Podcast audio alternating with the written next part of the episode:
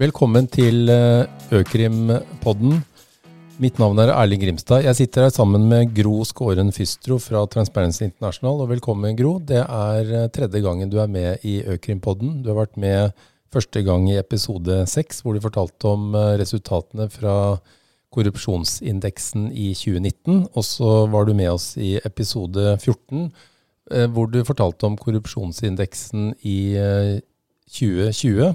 Og i dag skal vi snakke om eh, resultatet av korrupsjonsindeksen for 2021. Um, ehm, aller først kanskje du sier litt om uh, hva korrupsjonsindeksen er. CPI, som dere kaller det. Corruption Perception Index. Uh, vi har forstått at den handler om offentlig sektor. Altså ikke korrupsjon i det private, men offentlig sektor. Si gjerne litt om hva den er. Tusen takk, eh, Eiling. Ja, eh, i dag lanserer vi altså Corruption Perception Index. Og den rangerer 180 land etter nivået på opplevd eh, korrupsjon i offentlig sektor. Og den baserer seg på en rekke uavhengige datakilder for hvert land. Og på bakgrunn av de kildene så regnes det ut en poengsum for hvert land, hvor null er dårligst og 100 er best. Altså dvs. Si minst korrupsjon. Mm. Og for å få med oss alle lytterne, kan du ikke kort fortelle hva korrupsjon er? Mm. Korrupsjon uh, har jo veldig mange ulike uttrykk. Men i straffeloven så blir det jo definert som uh, enten det å kreve eller å gi en utilbørlig fordel i anledning av stilling, verv eller oppdrag. Uh, så er det jo da spørsmålet om hva dette handler om, utilbørlighet. Og det kan jo være mange ting. Interessekonflikter f.eks. Det kan være bestikkelser, det kan være veldig, veldig, voldsomme gaver. Så dette kan ha veldig mange ulike uttrykk. Hva er de typiske skadevirkningene av korrupsjon? Korrupsjon er veldig alvorlig, fordi det, det, skader eh, alle nivåer av samfunnet. Altså både demokratiet og rettsstaten. Men også business. altså Når selskaper er involvert i korrupsjon, så er det jo veldig dårlig for deres omdømme, men også kostnader. Eh, det blir mye dyrere varer og tjenester, spesielt når man snakker om korrupsjon i forbindelse med offentlige anskaffelser. Og den eh, enkelte eh, kan jo også stilles til ansvar for, for korrupsjon. Hvis vi ser det i et globalt perspektiv, så er det jo slik at korrupsjon også bidrar til mer fattigdom og sosial ulikhet. Mm. Når vi satt i fjor og gjennomgikk korrupsjonsindeksen, så var det en pandemi som gjorde at vi ikke kunne møtes fysisk. Det kan vi heldigvis nå. Det er fortsatt en pandemi. Og den gang så snakket vi en del om pandemien og korrupsjonsrisiko. Og jeg forsto det sånn at Transparency International sentralt de kalte pandemien en korrupsjonskrise. Mm. hvorfor det? Det er fordi at når du har en krisesituasjon, sånn som pandemien jo er, så uh, er det muligheter for korrupsjon. Det gir større muligheter. Uh, mange eksempler på det. Altså Én ting er selvfølgelig dette med at vaksiner i en periode var et knapphetsgode. Og man så mange eksempler på hvordan man kunne bestikke seg til det. Eller man kunne bestikke seg til en negativ uh, korrupsjonstest. Men også når det er en krise, så settes gjerne sånn som anskaffelsesregler til side. Lange sånne byråkratiske prosesser som er viktig for checks and balances, settes litt til side i en krisesituasjon. Og da eh, kan jo det i neste omgang føre til et maktmisbruk. Eh, så er det jo også dette med kriseloven. Dette var jo også noe som vi diskuterte i Norge, hvor det ble advart mot at det, hvis man gir for vide fullmakter til myndighetene, så kan jo det Eh, skape en ubalanse og eh, et, et problem for eh, rettsstatsprinsippene våre. Så det har mange dimensjoner.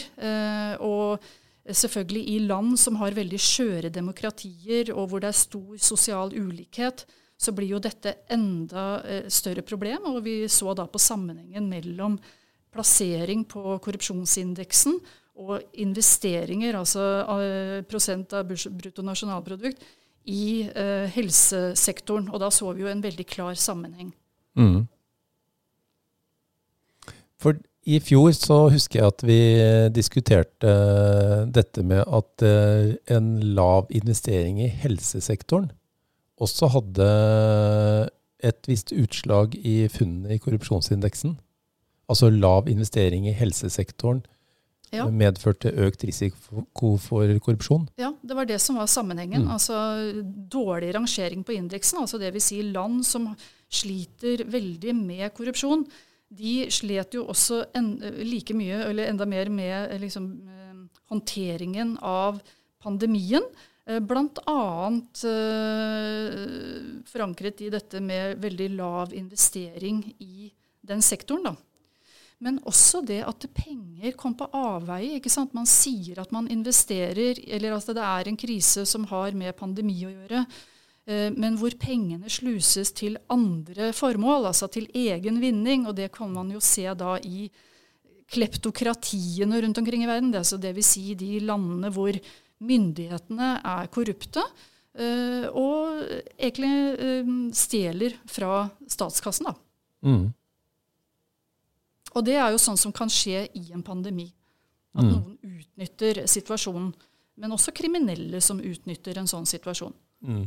Vi har også tidligere snakket om uh, politisk uh, korrupsjon.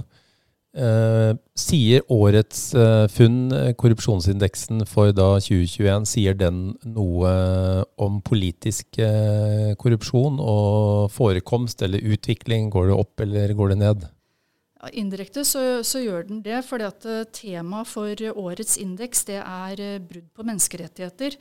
Og den viser samvariasjonen samvariasjon mellom brudd på menneskerettigheter og korrupsjon. Men eh, det er jo veldig interessant at du sier det med politisk korrupsjon, fordi for to år siden så var det jo det som var temaet vårt. altså eh, manglende demokrati og politisk korrupsjon. Det var tema for eh, indekslanseringen. I fjor så var det pandemien, og i år så er det brudd på menneskerettigheter. Og alle disse temaene er jo tett bundet sammen som et problemkompleks. Mm.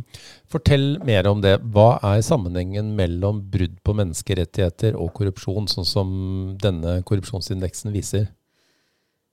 Ja, nå nevnte jeg jo autokratier, eh, land som eh, er udemokratiske, hvor de da strammer inn grepet enda mer på dette som har med grunnleggende menneskerettigheter eller rettigheter, da, som f.eks. slik som ytringsfrihet, og forsamlingsfrihet.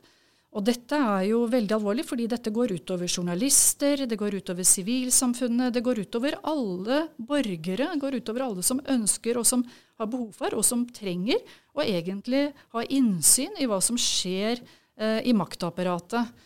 Eh, det gir da mye mindre innsyn. Og når det er mindre innsyn, så er det jo også åpent for de som er korrupte, til å utnytte den situasjonen. Um, og dette er det jo masse eksempler på. Vi kan jo ta vårt naboland uh, Russland f.eks. Uh, og se på dette med uh, disse fremmede agentlovgivningene, som kanskje har blitt ytterligere tilstrammet i løpet av de siste årene. Um, og hvor liksom muligheten for sivilsamfunnet til å gjøre sin jobb har blitt veldig begrensa. Mm. Og hvor du ser også fengsling av Eh, aktivister og journalister og, og sånt noe. Mm. Det er det også veldig mange andre land som er eksempler på. Ta eh, Filippinene f.eks. Altså, nå ble det jo gitt en Nobels fredspris til eh, en veldig modig journalist fra Filippinene, eh, Reza. Og hun eh, kom jo fra et land hvor, eh, hvor drap på journalister har vært veldig høyt. 23 siste året. Og um, Det er et eksempel da på hvordan et land på en måte undergraver menneskerettighetene og uh, begrenser mulighetene for det sivile samfunn. Mm. Hvis jeg tolker deg rett, da, så blir det interessant i årene som kommer å se om det, det grepet myndighetene har gjort i mange land for å håndtere en pandemi, om man på en måte slipper opp igjen, og, og, slipper opp på disse helt midlertidige lovbestemmelsene og reguleringene som gir myndighetene mye større makt. Mm. Og helt en unik maktposisjon i forhold til det vi kjenner i et normalt velfungerende demokrati. Eh, og se om det, det slippes opp for det, sånn at man på en måte fører eh, makten tilbake til, til folket. Det blir interessant å, å følge med videre. Uh, så Jeg forstår at uh, dette med brudd på menneskerettigheter og sammenheng med korrupsjon, det er et av funnene. Så da er det på tide at vi kanskje snakker litt om funnene. Dette er en korrupsjonsindeks som slippes uh, i dag. Og noe av det vi nordmenn er jo opptatt av, det er jo hvordan scorer Norge på korrupsjonsindeksen, altså denne indeksen som sier noe om antatt eh, forekomst eller opplevd forekomst av korrupsjon i offentlig sektor, understreker jeg. Eh, hvilken plass ligger eh, Norge på, eller hvordan scorer Norge i årets korrupsjonsindeks? Norge får 85 poeng. Nå bare minner vi om at det var 100 poeng som er, da er best. 85 poeng er jo veldig bra. Danmark ligger helt øverst med 88. Og eh, så er det Finland eh, på også 88, og New Zealand på det samme. Så Norge kommer da på fjerdeplass, hvis man eh, tenker plassering. Det er jo opp tre plasser, det. Ja, men det, det som er viktig å, å, huske på her, det er at det er ikke plasseringen som på en måte er sammenlignbar fra år til år. Det er poengsummen som er sammenlignbar fra år til år. Så det er et bitte lite poeng mer, da, og det er jo bra. All fremgang er bra, men dette er så lite at eh, jeg tror ikke vi skal legge så veldig stor vekt på, på det. Eh, det er viktig at vi ligger i toppsjiktet, men vi har jo også utfordringer i Norge. Eh, og det gjelder jo også de andre nordiske landene. For første gang i historien, tror jeg, så mm. ligger vi likt med Sverige. Ja. Fordi alle de nordiske har pleid å, å, å ha, litt, ha, litt, bedre poengsum enn oss. Men nå er vi også likt med Sverige. Men øh, vi er jo veldig opptatt av en tematikk som vi kaller 'trouble at the top'. Og det vil si de landene som ligger øverst på indeksen, har også sine utfordringer. Og det har jo sammenheng med det som du nevnte, Erling, at uh, sant, her er det korrupsjon i offentlig sektor som måles, og det er veldig mye som ikke måles her. F.eks. Eh, hvitvasking, eh, korrupsjon i privat sektor. Så, så det er jo vi må liksom være litt nøye med å, med å, si hva den sier noe om, og hva den mm. ikke sier noe om. Mm. Og så har vi jo sett uh, gjennom siste årets avsløringer i uh, Pandora Papers, som er en av disse mange dokumentavsløringene som kommer. Uh, mens den siste er da Pandora Papers, som viser da hvordan tilretteleggere også i de landene som ligger på toppen, Eh, bruker eller misbrukes, eh, eller misbruker selv, mm. Eh, sin myndighet til å skjule formuer fra oligarker og milliardærer. Og, og, dette her avslører jo da politikere og businessfolk og, og sånt noe rundt omkring. Vi, vi, har jo sett historisk at en, noen av de største korrupsjonssakene i verden har skjedd i vestlige land, og i land som kommer ganske godt ut på denne korrupsjonsindeksen som noen av de minst korrupte landene i verden. Eh, og at eh, store multinasjonale selskap fra disse landene er de som korrumperer utviklingsland. Så den type tendenser sier altså denne korrupsjonsindeksen eh, ingenting om. Vi skal ikke forstå korrupsjonsindeksen dit hen at den på en måte renvasker de på toppen. Da, fra mulig korrupsjon i utviklingsland og hos de som scorer dårligst på listen. Nei, Det er et veldig viktig poeng. fordi at eh, dette, Denne indeksen den måler jo korrupsjon i det landet som vi her snakker om, og ikke da eh, liksom, eh, den korrupsjon som eventuelt blir påført av eh, selskaper. Og da tenker jeg Dette er jo et veldig relevant og viktig tema også for Norge, med tanke på norsk eh, næringsliv ute i verden, i disse markedene som er veldig utsatte. Det er det ene temaet. Så vi må jo være veldig påpasselige med å holde vår sti ren altså i norske selskaper når vi er ute i land som sliter veldig med korrupsjon, og ikke la seg rive med av den kulturen. Eh, det kan være vanskelig, eh, men det er helt nødvendig. Og det samme gjelder jo eh, hvis du ser helt på bunnen av denne korrupsjonsindeksen, så er det jo land som er i krisesituasjoner, som er i krig, som sliter med fattigdom og konflikter. Eh, Sør-Sudan, eh, Syria.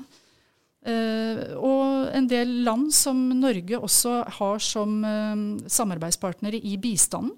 Så bistanden er jo også et tema hvor vi i Norge, som den store humanitære aktøren som vi er ute i verden, må være påpasselige på at vi følger pengestrømmen og ikke gir etter for korrupsjon. Mm.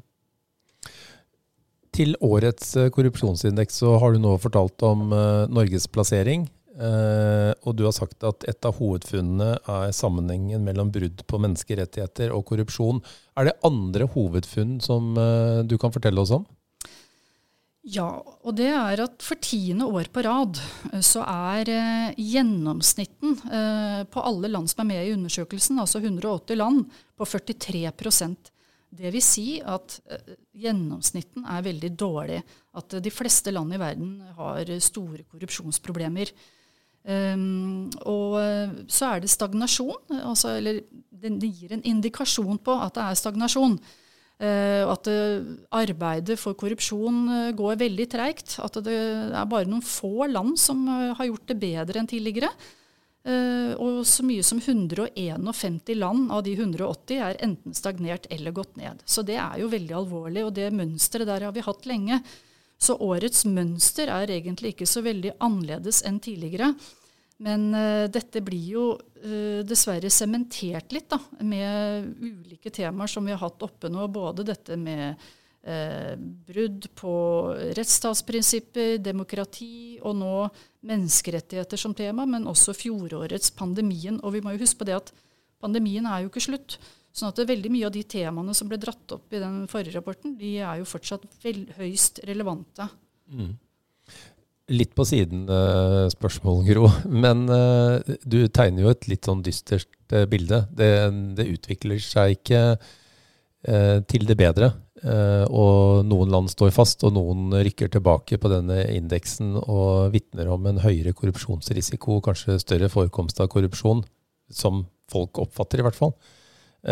Men helt konkret, hva tror du om åpenhetsloven i Norge? Tror du det hjelper eh, for eh, Norge og norsk næringsliv ute i verden når det gjelder eh, risikoen for korrupsjon. Er det et bidrag som kan i hvert fall endre noe av risikoen i vårt eget land, eller er det en feiltolkning? Det syns jeg er en veldig viktig observasjon som du har der, og som kanskje trekker oss nå litt mer i positiv retning med tanke på Eh, ting som skjer, da, som er um, av stor verdi. Og dette er jo interessant også i lys av årets indeks, hvor vi ser nettopp på sammenhengen mellom korrupsjon og brudd på menneskerettigheter. Fordi det denne åpenhetsloven jo skal gjøre, det er jo å pålegge selskapene i å rapportere på dette som har med menneskerettigheter å gjøre, arbeidslivsrettigheter. Eh, ikke korrupsjon, riktignok. Men vi håper jo da at det kan ha en eh, virkning også på Eh, korrupsjonstemaet, og at eh, etter hvert også at uh, dette er noe som blir rapporteringspliktig for selskapene i neste omgang, etter hvert som lovgivningen trer i kraft og utvikler seg etter en evaluering og sånn, så kan det jo hende at dette også tas opp. Så i hvert fall så illustrerer det sammenhengen her og kan bidra positivt. Så det tenker vi er veldig bra. Eh, men ellers så er det jo andre temaer også som vi tenker er viktige nå, og det er jo at eh, det gis plass til det sivile samfunn til å kunne spille sin viktige rolle i å holde myndigheter og selskaper eh, ansvarlige. At man har innsyn, at man har offentlighet, at man har åpenhet. Det er jo veldig viktig. Og så er det jo andre ting som går på dette med kontrollmekanismene og de demokratiske institusjonene. Altså Riksrevisjonen, at de får spille sin rolle, Sivilombudet. Eh, alle sånne, og ikke minst antikorrupsjonskommisjonene, som jo veldig mange land har, sørger for at de har nok ressurser og uavhengighet. Eh, så dette er jo temaer som vi hamrer videre på eh, her. Og det er klart, her ligger det muligheter. Men uh, dessverre så har ikke årets indeks liksom vist uh, i noe særlig stor grad at vi har gått fremover. Da. Men dette er antikorrupsjonsarbeid, som du jo vet veldig godt, Erling. Dette er langsiktig arbeid. Uh, og vi har troa jo på at det nytter med disse tiltakene. Da. Mm. Helt til slutt, de som har lyttet til dette og som ønsker å lese korrupsjonsindeksen, eller lese kanskje mer om hva dere gjør i Transparency International, hvor skal de finne informasjon? Eh, da kan de gå inn på nettsiden vår på transparency.no. Eh, der eh, ut, der ligger det en nettsak, og så ligger det en lenke til all denne dokumentasjonen som kommer fra vårt internasjonale sekretariat i Berlin. Da avslutter jeg med å takke deg, Gro, for at du for tredje gang kom i Økrimpodden og fortalte oss mer om både funn i korrupsjonsindeksen og temaer som dere er opptatt av i TI, og som indeksen viser. Så tusen takk for at du møtte opp.